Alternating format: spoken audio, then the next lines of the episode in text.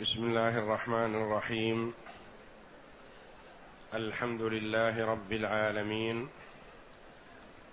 والصلاة والسلام على نبينا محمد وعلى آله وصحبه أجمعين. وبعد. أعوذ بالله من الشيطان الرجيم.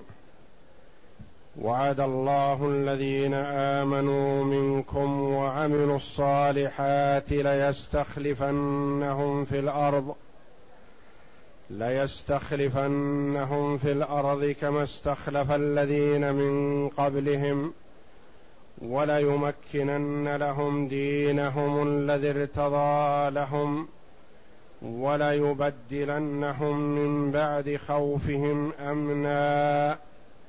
يعبدونني لا يشركون بي شيئا ومن كفر بعد ذلك فأولئك هم الفاسقون.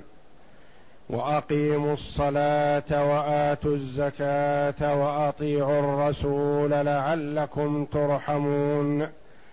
لا تحسبن الذين كفروا معجزين في الأرض ومأواهم النار ولبئس المصير. في هذه الآية الكريمة قوله جل وعلا وعد الله الذين آمنوا منكم وعملوا الصالحات ليستخلفنهم في الأرض كما استخلف الذين من قبلهم. وليمكنن لهم دينهم الذي ارتضى لهم وليبدلنهم من بعد خوفهم أمنا يعبدونني لا يشركون بي شيئا.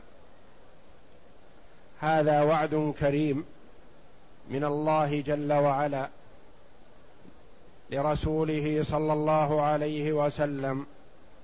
ولعباده المؤمنين. وناسب ذكر هذه الآية الكريمة بعد ذكر المنافقين وما يضمرونه في أنفسهم من موالاه أعداء الله خشية انهزام المسلمين وعدم نجاحهم فيكون لهم يد مع الكفار في أنهم مالؤوهم ضد المسلمين وكانوا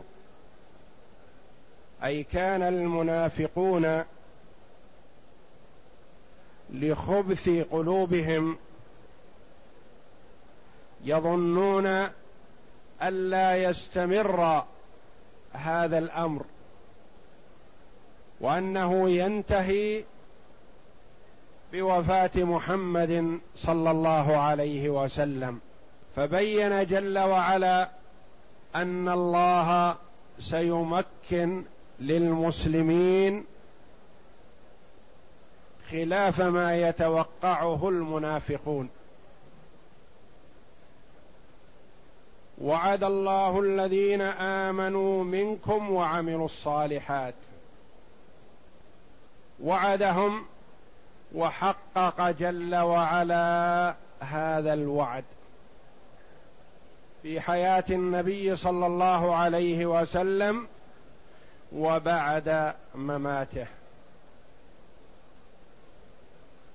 فهو جل وعلا وعد رسوله صلى الله عليه وسلم بأن يجعل أمته خلفاء على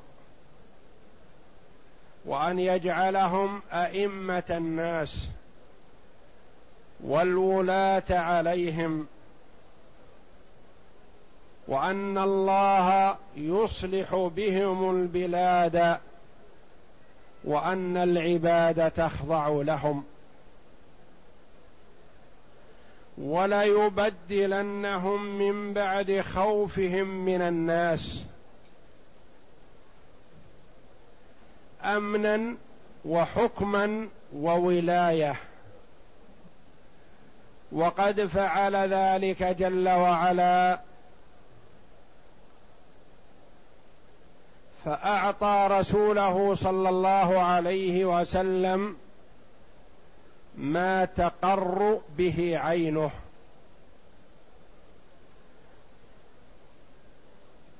فإنه عليه الصلاة والسلام لم يمت ويلحق بالرفيق الأعلى إلا بعد أن فتح الله له مكة. وخيبر والبحرين وجزيرة العرب وأرض اليمن كل هذا فتح في عهده صلى الله عليه وسلم. وأخذ الجزية صلوات الله وسلامه عليه من مجوس هجر فخضعت له المجوس. وأخذ الجزية منهم. ومن بعض أطراف بلاد الشام. وهاداه هرقل خافه. وتصنع لديه. وكذا ملك مصر المقوقس.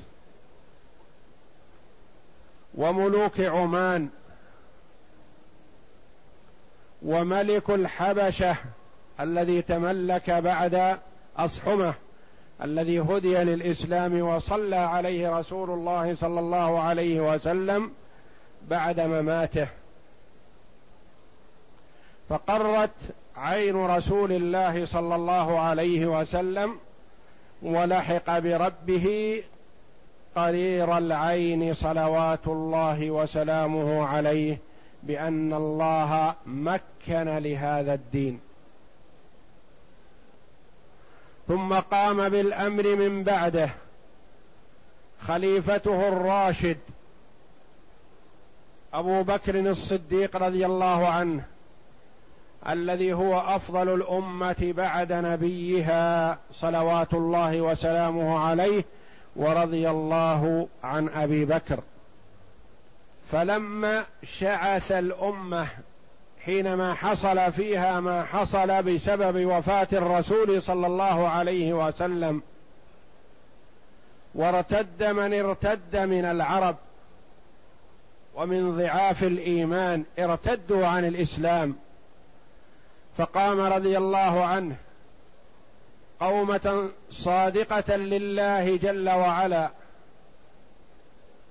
وحينما طلب منه بعض الصحابة رضي الله عنهم أن يؤخر قتال مانع الزكاة لأن فيه من ارتد عن الإسلام بالكلية وطلبوا منه تأخير النظر في موضوع مانع الزكاة. أظهر شجاعته وقوته في ذات الله جل وعلا. فقال رضي الله عنه والله لو منعوني عناقا وفي رواية عقالا كانوا يؤدونه إلى النبي صلى الله عليه وسلم لقاتلتهم على منعه. والله لأقاتلن من فرق بين الصلاة والزكاة. فشرح الله جل وعلا صدر أبي بكر لقتال المرتدين ومانع الزكاة. فعلم الصحابة رضي الله عنهم أن ذلك هو الحق فكانوا معه رضوان الله عليهم جميعا. ثم لما قاتل المرتدين ورجع من أراد الله هدايته منهم وقتل من استمر على كفره أخذ رضي الله عنه في الفتوحات الإسلامية. وبعث جيوش الإسلام إلى بلاد فارس. صحبة خالد بن الوليد رضي الله عنه سيف الله. ففتحوا طرفا منها وجيشا آخر مع بقيادة أبي عبيدة بن عامر بن الجراح رضي الله عنه ومن معه من أمراء الإسلام إلى أرض الشام. وبعث الجيش الثالث قيادة عمرو بن العاص رضي الله عنه إلى بلاد مصر. ففتح الله للجيوش الإسلامية البلاد في عهد أبي بكر الصديق رضي الله عنه وتوفاه الله عز وجل واختار له ما عنده وهو قرير العين بأن هذا الأمر سينتشر وأنه سيقوى ويتمكن في الأرض. ووفق الله جل وعلا أبا بكر الصديق رضي الله عنه ليستخلف عمر الفاروق الذي فرق الله به بين الحق والباطل. فاستخلف عمر رضي الله عنه الذي لم يرى المسلمون من بعده لم يروا مثله في العدل والقوة في ذات الله جل وعلا رضي الله عنه وأرضاه. وفتح الله له كثيرا من البلاد واتسعت الرقعة الإسلامية وخاف المشركون والكفار من مشركين ومجوس ونصارى ويهود. وكسر رضي الله عنه كسرى وأهانه وتقهقر إلى أقصى مملكته. وقصر قيصر وانتزع يده عن بلاد الشام كلها وانحدر إلى القسطنطينية. وأنفقت أموالهما في سبيل الله فلله الحمد والمنة كما أخبر بذلك جل وعلا ووعد به رسوله صلى الله عليه وسلم. ثم لما كانت أيام عثمان رضي الله عنه أرضاه امتدت الممالك الإسلامية إلى أقصى مشارق الأرض ومغاربها ففتحت بلاد المغرب إلى بلاد الأندلس وقبرص وبلاد القيروان وبلاد بستة مما يلي البحر المحيط. ومن ناحية المشرق كذلك إلى أقصى بلاد الصين. وقتل كسرى وباد ملكه بالكلية. وفتحت مدائن العراق وخراسان والأهواز وانتصر المسلمون على من ناوأهم وقاتلهم. فلله الحمد والمنة. وجبي الخراج من مشارق الأرض ومغاربها إلى أمير المؤمنين عثمان بن عفان رضي الله عنه وأرضاه. وكان رضي الله عنه صالحا قانتا لله تاليا للقرآن محييا لليل. فقد قرأ القرآن بكامله رضي الله عنه في ركعة. وقد ثبت في الصحيح أن رسول الله صلى الله عليه وسلم قال إن الله زوالي الأرض فرأيت مشارقها ومغاربها وسيبلغ ملك أمتي ما زوي لي منها. فقد أنجز ما وعد جل وعلا لرسوله صلى الله عليه وسلم وللمسلمين. ليستخلفنهم في الأرض كما استخلف الذين من قبلهم. وخافهم الناس بدل ما كانوا خائفين في مكة. ثم هاجروا إلى المدينة فأصبحوا خائفين لأن العرب كلها رمتهم بقوس واحد. فأصبحوا خائفين. فأزال الله جل وعلا خوفهم وأبدلهم أمنا وتمكينا في الأرض. وكلما كان المسلمون أكثر قياما بأمر الله جل وعلا وتحكيما لكتابه وسنة رسوله صلى الله عليه وسلم. وعدلا وإنصافا مكن الله لهم في الأرض. وبقدر ما فقدوا من هذه الأمور يضعفون ويتغلب عليهم الأعداء. فهذا الوعد الكريم من الله جل وعلا للمؤمنين ما داموا قائمين بما أمرهم الله جل وعلا به فإن التمكين حاصل لهم لا محالة. وبقدر ما يهملوا ويضيعوا ويتساهلوا ويتركوا كثيرا من الواجبات ينتزع ما أعطاهم الله جل وعلا من التمكين والاستخلاف في الأرض. إلا أن الله جل وعلا سيبقي هذا الدين إلى أن يرث الله الأرض ومن عليها. ويوجد من يقوم به بإذن الله إلى آخر الزمان. وعد من الله جل وعلا لرسوله صلى الله عليه وسلم.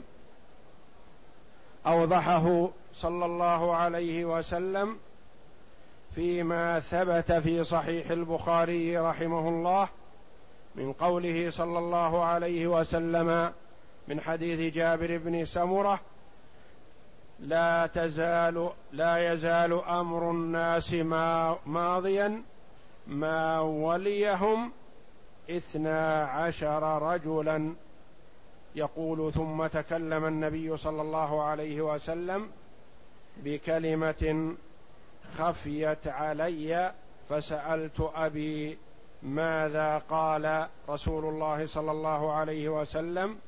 قال كلهم من قريش. وبقوله صلى الله عليه وسلم فيما ثبت في الصحيحين من من غير وجه عن رسول الله صلى الله عليه وسلم أنه قال لا تزال طائفة من أمتي ظاهرين على الحق لا يضرهم من خذلهم ولا من خالفهم إلى يوم القيامة. وفي رواية حتى يأتي أمر الله وهم على ذلك وفي رواية حتى يقاتلوا الدجال وفي رواية حتى ينزل عيسى بن مريم وهم ظاهرون. وكل هذه الروايات صحيحة ولا تعارض بينها. فالله جل وعلا يبقي طائفة من هذه الأمة على الحق ظاهرين لا يضرهم من ناوأهم ولا من خذلهم ولا من خالفهم حتى يأتي أمر الله وهم على ذلك وهم حجة الله على خلقه بقيامهم بالدين الصحيح الحق. ليستخلفنهم في الأرض يجعلهم خلفاء الأرض. كما استخلف الذين من قبلهم. كما استخلف بني إسرائيل. واستخلف داود وسليمان. واستخلف غيرهم من الصالحين الذين مكن الله لهم في الأرض. وليمكنن لهم دينهم الذي ارتضى لهم. وليمكنن لهم دينهم الذي ارتضى لهم. يجعل دينهم هو الظاهر وهو القوي وهو المتمكن في البلاد كما حصل في صدر الإسلام.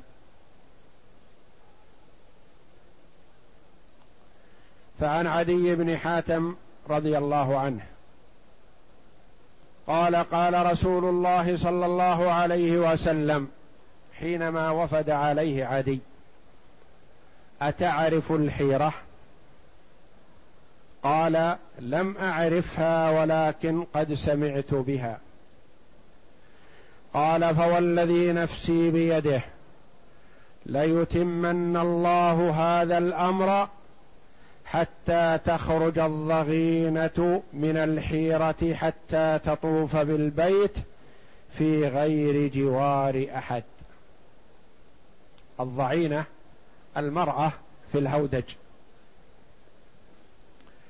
ولتفتحن كنوز كسرى بن هرمز. قلت كسرى بن هرمز؟ قال نعم كسرى بن هرمز. وليبذلن المال حتى لا يقبله أحد. قال عدي رضي الله عنه فهذه الضغينة تخرج من الحيرة فتطوف بالبيت في غير جوار أحد. ولقد كنت في من فتح كنوز كسرى بن هرمز والذي نفسي بيده لتكونن الثالثة. ما هي الثالثة؟ يبذلن المال حتى لا يقبله أحد. لأن رسول الله صلى الله عليه وسلم قد قالها. وقد بذل المال في آخر حياة عثمان رضي الله عنه فرد ولم يقبله أحد. كل يقول استغنيت.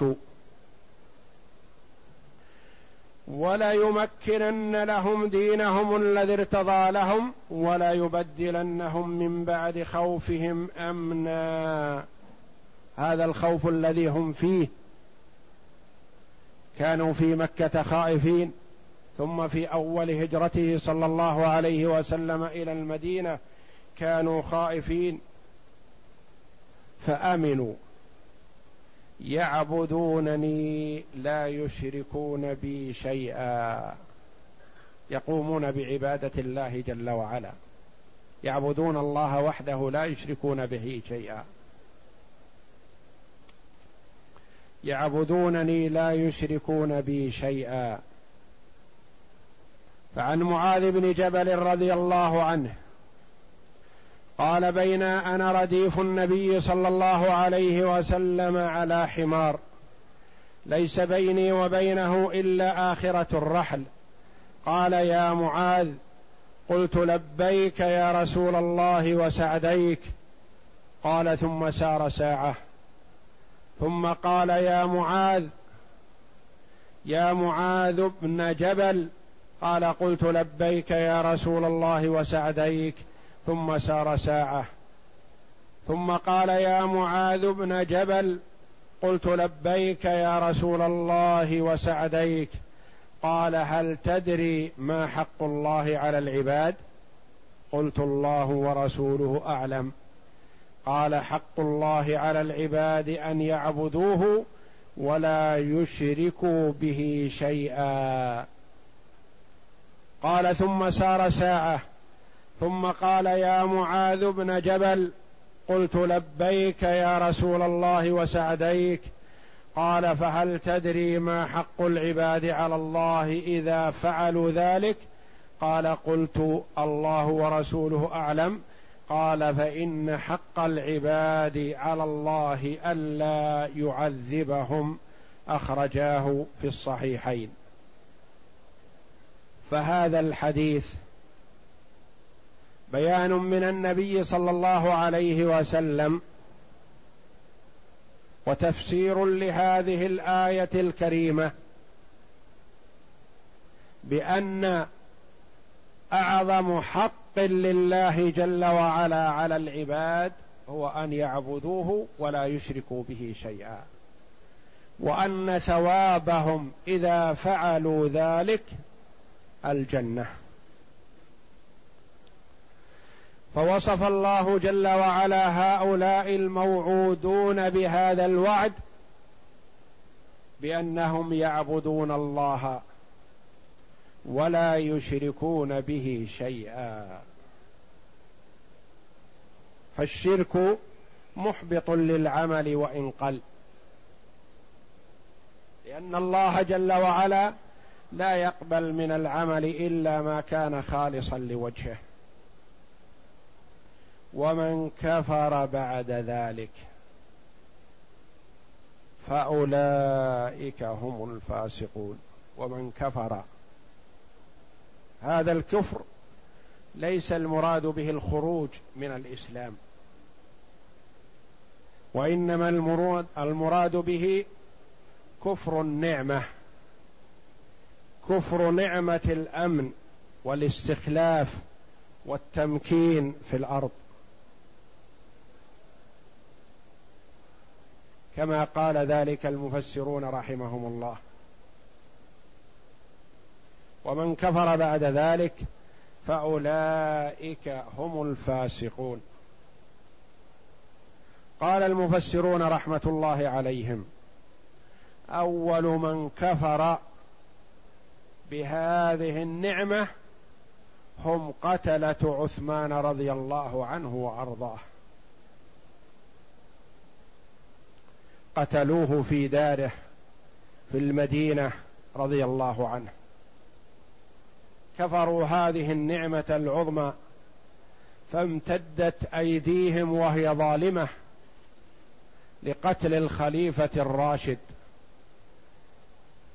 فعند ذلك حصل الخلل. والتفت بعض المسلمين يقاتل بعضا. بدل ما كانوا يدا واحدة على الكفار من مشركين ومجوس ويهود ونصارى. صارت الفتنة وقتل فيها عثمان رضي الله عنه وأرضاه ذا النورين. أفضل هذه الأمة بعد نبيها وأبي بكر وعمر. رضي الله عنه وأرضاه فانفتح باب الشر وحصلت الفتنة العظمى فيما بعد.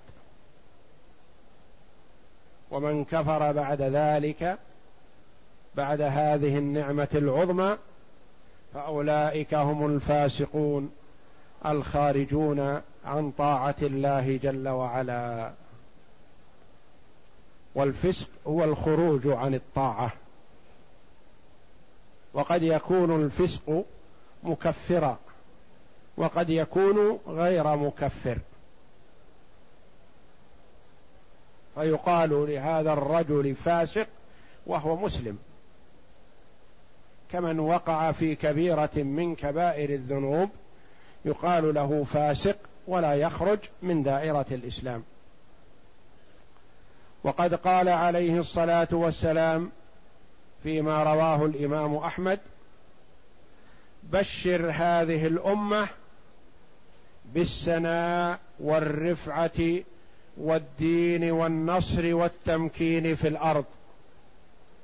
فمن عمل منهم عمل الآخرة للدنيا لم يكن له في الآخرة نصيب. لهذه الأمة. وقد يكون فيهم من يعمل عمل الآخرة ظاهره التقرب إلى الله جل وعلا لكن هدفه الدنيا فهذا قد يمكن الله له في الدنيا لكن ليس له في الآخرة من نصيب.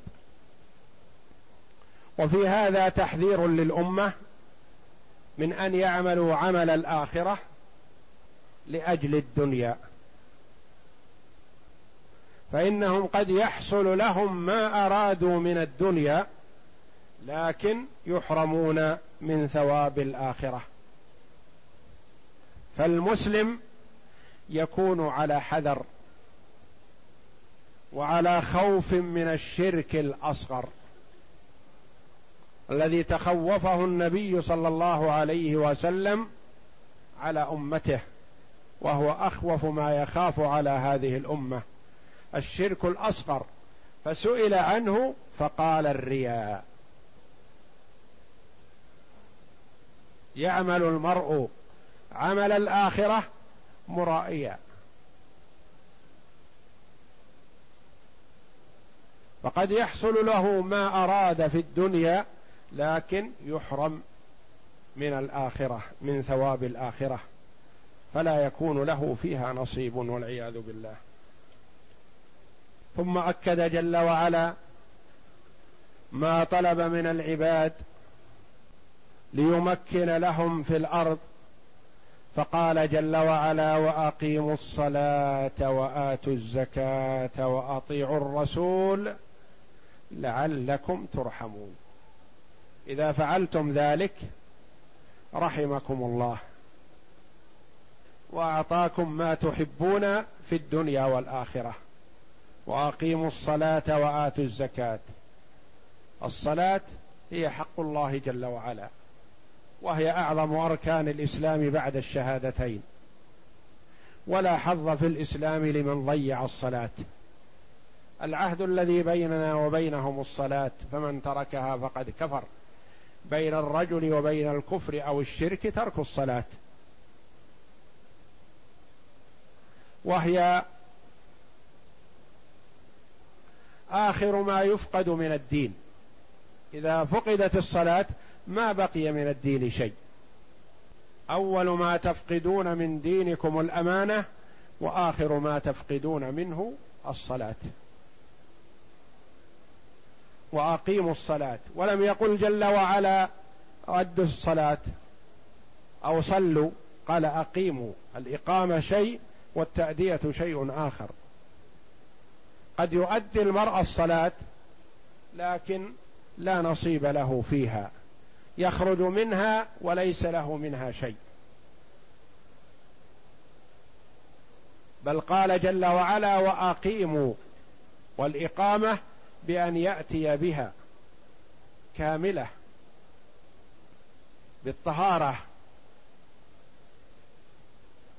والخشوع والإكمال والإتمام والاداء كما أمر الله جل وعلا ورسوله صلى الله عليه وسلم. والرجل يؤديها جماعة مع المسلمين في المساجد في بيوت الله. يقول عبد الله بن مسعود رضي الله عنه لقد رأيتنا وما يتخلف عنها أي عن صلاة الجماعة إلا منافق معلوم النفاق. والنبي صلى الله عليه وسلم هم بتحريق المتخلفين عن صلاة الجماعة بيوتهم بالنار. وقال في رواية لولا ما في البيوت من النساء والذرية لفعلت. فصلاة الجماعة واجبة. ولا يجوز للمرء أن يتخلف إلا من عذر مرض أو خوف. وأقيموا الصلاة وآتوا الزكاة حق الله جل وعلا في المال للفقراء والمساكين. وآتوا الزكاة أعطوها طيبة بها نفوسكم. تقربا إلى الله جل وعلا ومواساة لإخوانكم المسلمين. والزكاة حق للفقير في مال الغني. فمن لم يؤدها فقد اختلس وأكل حق غيره أكل حق الفقير. وإذا خالطت الزكاة ماله أهلكته. إذا خالطت الزكاة المال أهلكته. أهلكته بالخسارة بالحريق بالغرق. بأي نوع من أنواع المصائب؟ لأنه لم يحصنه ولم يجعل ولم يجعله في حرز أمين والحرز الأمين هو الزكاة. فهي تزكي المال وتنميه وتحفظه بإذن الله. ولا تنقصه. لا تنقصه أبدا. ما نقص مال من صدقة أبدا. ثابت في الصحيح. وعد من النبي صلى الله عليه وسلم. ما نقص مال من صدقة. يبارك الله جل وعلا بالمال ويحفظه وينميه. فلا تنقصه الصدقة بل تزيده. وسميت زكاة لأنها تزكي المال. ويقال هذا مال زاكي بمعنى زايد وينمو. وآتوا الزكاة. وأطيعوا الله وأطيعوا الرسول لعلكم ترحمون. في كل ما أمركم به وفي كل ما نهاكم عنه أطيعوه لأنه عليه الصلاة والسلام لا ينطق عن الهوى. وكما قال الله جل وعلا وما آتاكم الرسول فخذوه وما نهاكم عنه فانتهوا.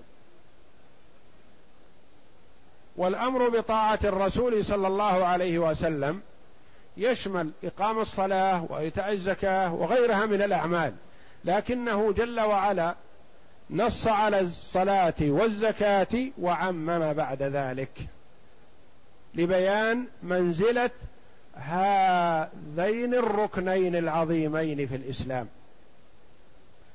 وأطيعوا الرسول لعلكم ترحمون لعل للترجي.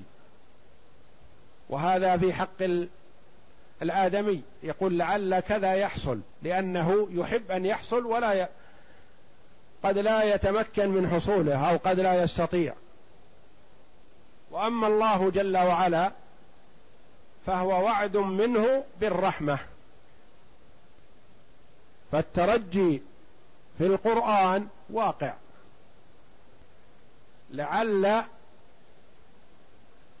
مضمونها واقع من الله جل وعلا للعباد. لعلكم ترحمون أي إذا فعلتم ذلك حصلت لكم الرحمة من الله جل وعلا. ثم إن الله جل وعلا أنس رسوله والمؤمنين. وأذهب ما في نفوسهم من الخوف من الكفار. وإن تكالبت قوى الشر.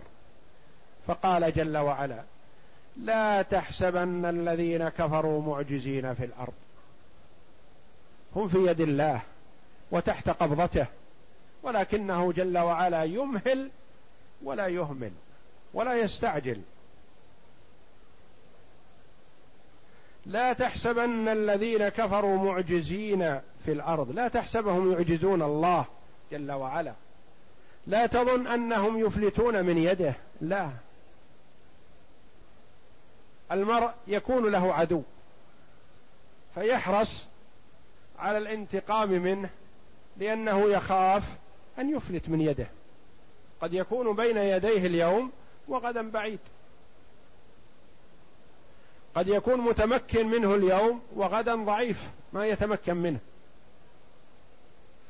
قد يكون اليوم معه من ينصره على عدوه وغدا ليس معه أحد. فهو يحاول سرعة ما يريد من انتقام أو إضرار بأحد يحاول أن يبادر لأنه يخشى من ماذا؟ من الفوات. وأما الله جل وعلا فالخلق كلهم في قبضته. وبين يديه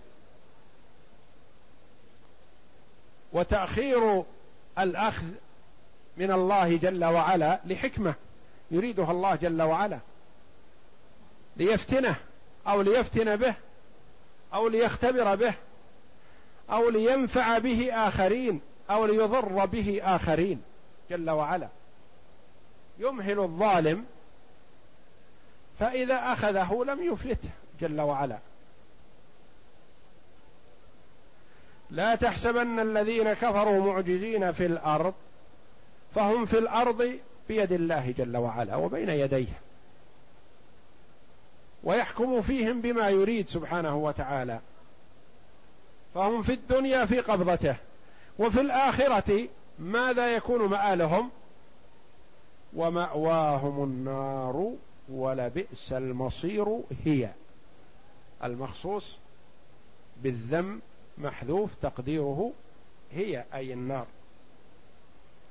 فهم في الدنيا في الأرض تحت سيطرته جل وعلا.